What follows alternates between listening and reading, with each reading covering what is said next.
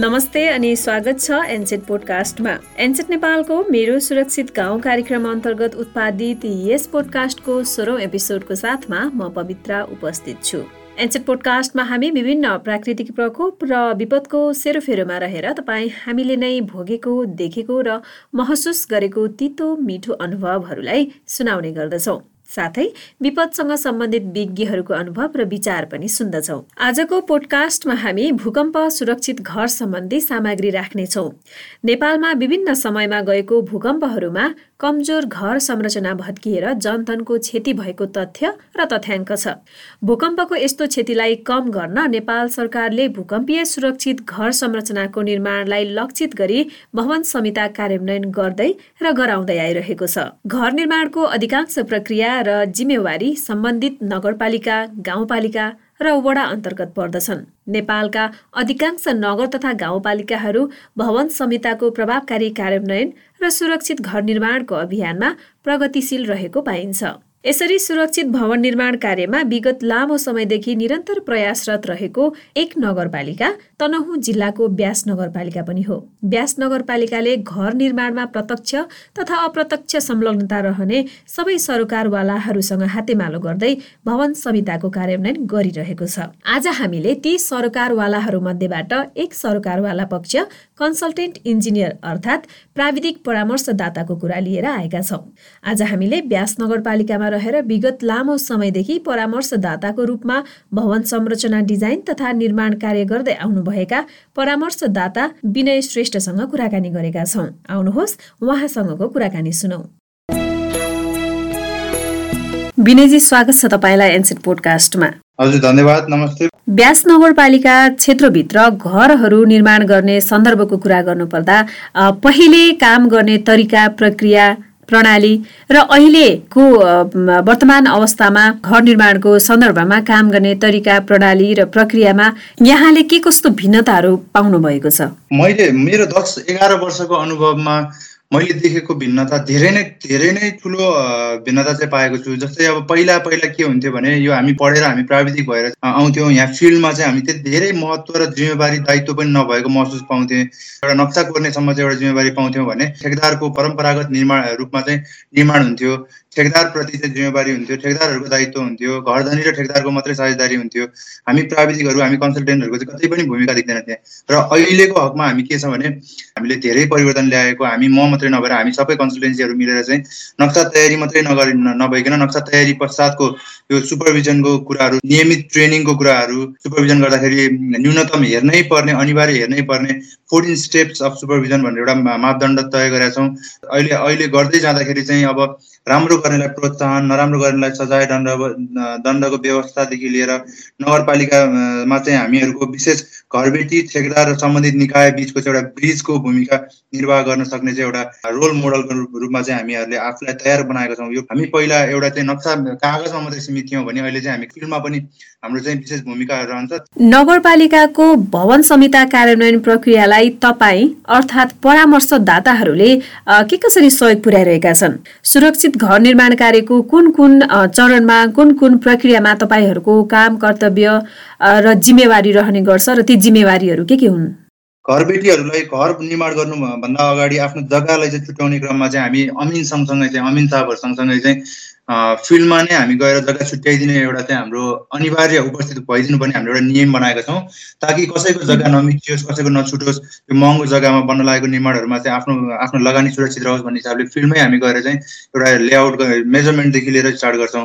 त्यसपछि हामी चाहिँ घरधनीहरूसँग बसेर उहाँहरूको रिक्वायरमेन्ट अनुसार नियम कानुन अनुसार इकोनोमिक र सुरक्षित निर्माणको लागि चाहिँ घरधनीहरूसँग पटक पटकको बैठकपछि चाहिँ हामी एउटा नक्सा तयार गरेपछि हामी नगरपालिकामा पेस गर्दा पनि हामी आफै नगरपालिकामा जान्छौँ उपस्थित हुन्छौँ र नगरपालिकामा पेस भएको पन्ध्र दिनपछि हाम्रो कानुनी हिसाबमा पन्ध्र दिनपछि सरजमिन भनेर चाहिँ फिल्डमा जाने बेलामा हामी कन्सल्टेन्सीको साथीहरू पनि नगरपालिकाको साथीहरूसँग हामी स्वयं आफै उपस्थित हुने गर्दछौँ। त्यो गर्दाखेरि के फाइदा हुँदो रहेछ भने घरबेटीहरू कोही अब अलिकति नबुझ्ने हुनुहुन्छ कोहीलाई अब कति प्राविधिक कुराहरू थाहा हुँदैन छिमेकीहरूलाई कति कुराहरू चित्त बुझ्दैन। जग्गा छुट्याउँदाको बेलादेखि हामी आफै स्वयं प्राइभेट हिसाबले चाहिँ उपस्थित भएको कारणले गर्दाखेरि नगरपालिकाको प्राविधिक सरहरू साथीहरूलाई पनि हामीले कति कुराहरू ब्रिफिङ गर्नुपर्ने हुनसक्छ। त्यो त्यो बिचमा चाहिँ हामीले ब्रिफिङ गर्दै यो कामलाई चाहिँ सरल सहज बनाउनलाई चाहिँ हामीले विशेष भूमिका निर्वाह गरिरहेको हुन्छौँ। नक्सा पास भएपछि हामीले चाहिँ ठेकेदार साथीहरूलाई चाहिँ बिचमा हामी हामी कन्सल्टेन्सीको अफिसमा बोलाएर चाहिँ हामीले ठेकेदार घरबेटी र हामी कन्सल्टेन्सी तिनजनाको आफ्नो आफ्नो भूमिका ओरिएन्टेसन एउटा अभिमुखीकरण तालिम गरेर चाहिँ एउटा छोटो प्राइभेट एउटा घरलाई चाहिँ एउटा अभिमुखीकरण तालिम गरेर ठेकेदार सर साथीहरूलाई चाहिँ हामीले एउटा वर्किङ ड्रइङ उपलब्ध गराउँछौँ र त्यस पश्चात चाहिँ हाम्रो निरन्तर सुपरभिसन सुपरभिसनको कामहरू चाहिँ सुरु हुँदै नगरपालिकामा पटक पटकको निवेदनहरू र फोटोहरू खिचेर हामीले चाहिँ उपलब्ध गराउँदै घरधनीहरूलाई चाहिँ यो नक्सा पास डिपिसी दोस्रो चरणको सम्पन्न अन्तिम चरणको सम्पन्न र विद्युत पानीदेखि सम्पूर्णको सिफारिससम्म चाहिँ हामीले सहयोग गर्दै अगाडि बढ्छौँ हामी। ब्यास नगरपालिकासँग सहकारी र समन्वय गर्दै भवन डिजाइन गर्ने भवनको निर्माण गर्ने कार्य गरिरहँदा यो दौरानमा तपाईँलाई अर्थात् तपाईँ लगायत अन्य ब्यासलाई आफ्नो कर्मथलो कार्यथलो बनाएर काम गर्ने परामर्शदाताहरूलाई के कस्तो फाइदाहरू भएका छन्? फाइदाको लिस्ट बनाउने हो भने त धेरै नै लामो लिस्ट बन्छ होइन? तर विशेष मैले देखेको फाइदाहरू मध्येमा चाहिँ पहिला जुन हाम्रो भूमिका नै रहँदैन थियो भने घर र नगरपालिका बिचमा चाहिँ हामीलाई पनि गर्दै अटाइदिनु भएको छ होइन? हाम्रो पनि एउटा भूमिका राखिदिनु भएको छ हाम्रो पनि एउटा पहिचान दिनुभएको छ। यो नै हाम्रो एकदम गौरवको विषय पनि हो। हामीहरूको पनि यो समाजमा एउटा इन्जिनियरिङ पढेर आएपछि एउटा टेक्निकल टेक्निकल इन्जिनियर त भइयो। तर सँगसँगै एउटा सोसियल इन्जिनियर पनि हुनुपर्दो रहेछ भन्ने नगरपालिकासँग अथवा चाहिँ घरधनीहरूको बिचमा बसेर चाहिँ हाम्रो आफ्नो भूमिका पनि गर्दै आएका छौँ। आफ्नै जन्मभूमिमा बसेर सेवा दिँदै होइन? सबैलाई रिजाउँदै खुसी बनाउँदै आफ्नो परिवारसँग बसेर केही जीवनयापन गर्न पाएका छौँ। यो पनि यो यो पनि एकदम विशेष फाइदाकै रूपमा लिन्छौँ हामी चाहिँ। त्यो बिल्डिङ कोड लागू भए पश्चात अथवा चाहिँ नगरपालिकाको स्थानीय निकायहरूले गरिदिएको सबै काम कर्तव्यहरू पश्चात चाहिँ धेरैलाई रोजगारीको पनि सृजना भएको छ। सुरक्षित आवासको निर्माण भएको छ घरधनीहरूको लगानी सुरक्षित रहेको छ। परामर्शदाता अर्थात् कन्सल्ट्यान्ट इन्जिनियरहरू कन्सल्ट्यान्ट प्राविधिकहरू र ब्यास नगरपालिकाको बिचमा यति मिठो यति सुमधुर यो नङ मासुको जस्तो सम्बन्ध कसरी सृजना भयो? यो मिठो सम्बन्ध कसरी बन्यो? अलिकति बताइदिनुहोस् न।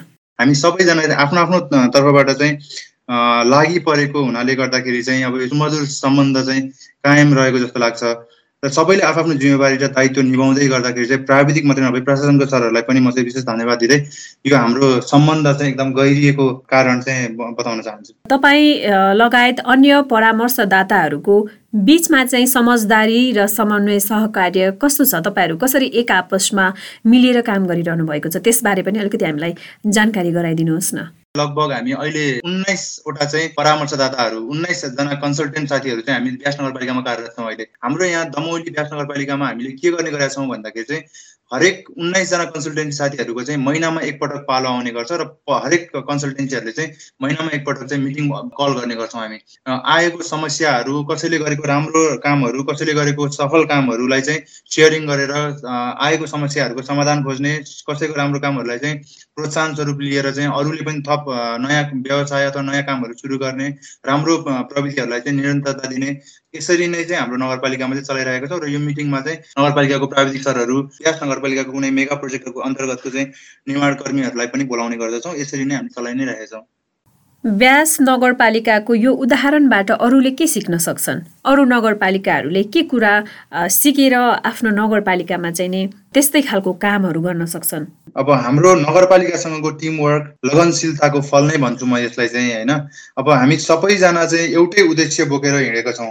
अब यो यात्रामा चाहिँ अब सबैजनाले चाहिँ आफ्नो आफ्नो भूमिका आफ्नो आफ्नो जिम्मेवारीलाई चाहिँ आफ्नो ठाउँमा बसेर हातेमालो गर्दै अगाडि बढ्नुपर्छ र यो एकै रातमा अथवा छोटो समयमा आउने परिवर्तन पनि नभ होइन भन्न चाहन्छु। र हाम्रो पनि लामो सङ्घर्ष लगनशीलता अब एकबद्धताको पश्चात चाहिँ यो धैर्यता पश्चात चाहिँ भएको हुँदै गरेको सफलता भन्छु म। अझै पनि हामीले गर्नुपर्ने धेरै कामहरू बाँकी छ।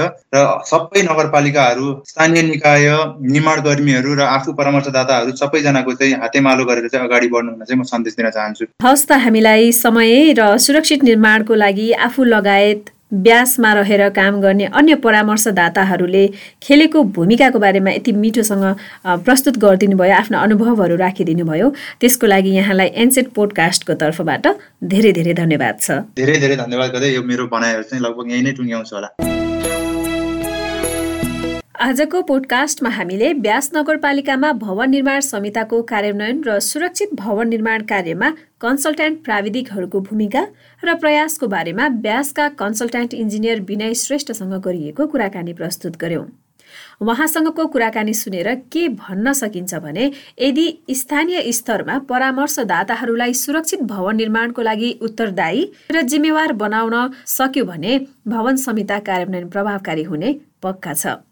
हामी हाम्रो पोडकास्टमा भूकम्प बाढी पहिरो आगलागी चट्याङ खडेरी सरुवा रोग शीतलहर लगायतका प्राकृतिक प्रकोपका विषयमा सामग्रीहरू राख्ने गर्दछौँ। यदि तपाईँसँग पनि कुनै पनि विपद सम्बन्धी भोगाइका अनुभव छन् भने अथवा तपाईँ यी मध्ये कुनै पनि विपद सम्बन्धी विषयको विज्ञ हुनुहुन्छ र आफूले भोगेको जानेको कुरा हाम्रो पोडकास्ट मार्फत बाँड्न चाहनुहुन्छ भने हामीलाई सम्झनुहोस्। त्यसको लागि हाम्रो इमेल एड्रेस हो NSET podcast at the rate NSET dot ORG dot NP यिनै जानकारीहरूको साथमा आजको लागि पोडकास्टको समय सकिएको छ। आउँदा पोडकास्टहरूमा हामी यस्तै विभिन्न सामग्री लिएर आउने नै छौँ। भूकम्प लगायत अन्य विपदबारे थप जानकारीको लागि एनसेट नेपालको वेबसाइट हेर्नुहोला। साथै एनसेट नेपालको फेसबुक पेज युट्युब च्यानल र ट्विटरलाई पनि फलो र सब्सक्राइब गर्नुहोला। हवस् त यिनै जानकारीहरूको साथमा एनसेट नेपालको आजको एपिसोडबाट म पवित्रा पनि बिदा हुन्छु। नमस्ते शुभ समय।